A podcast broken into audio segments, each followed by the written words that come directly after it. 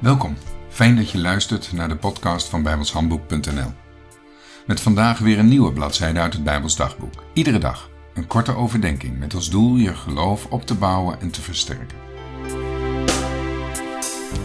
De muziek bij deze podcast is geschreven en uitgevoerd door Jack Andrew. Het is vandaag 9 februari en ik wil beginnen met het lezen van Exodus 16, vers 3. En de kinderen Israëls zeiden tot hen: Och, dat wij in Egypteland gestorven waren door de hand des Heren. Toen we bij de vleespotten zaten, toen we tot verzadiging brood aten. Want gij lieden hebt ons uitgeleid in deze woestijn, om deze ganse gemeente door de honger te doden.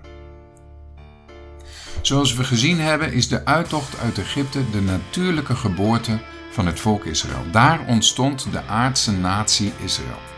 Helaas verliep de geboorte niet helemaal zoals het had gemoeten. De navelstreng, de natuurlijke verbindingslijn tussen moeder en kind, waarmee het kind ook gevoed wordt, was niet afgesneden. Dat is dan ook de reden waarom het volk terug blijft verlangen naar Egypte. Egypte is in de Bijbel altijd een beeld van deze stoffelijke wereld. Deuteronomium 27 en 28 geven een verslag vooraf van wat er daarna met het volk Israël is gebeurd. Israël wordt verstrooid onder de volken en zou naar Egypte terugkeren.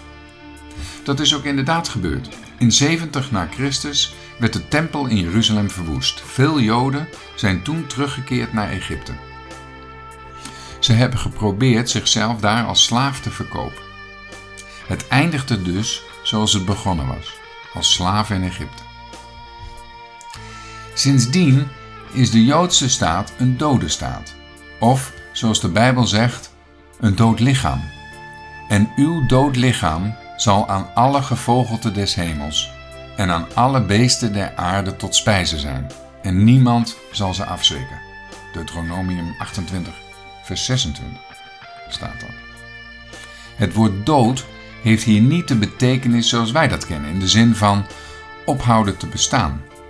Maar het Bijbelse begrip dood heeft te maken met scheiding of verbroken gemeenschap. Er is geen communicatie meer. Israël wilde zich niet afhankelijk stellen van de Heer. En het resultaat hiervan was dat God zijn aangezicht voor haar verborg, voor Israël verborg. En deze waarheid wordt in verschillende profetieën herhaald.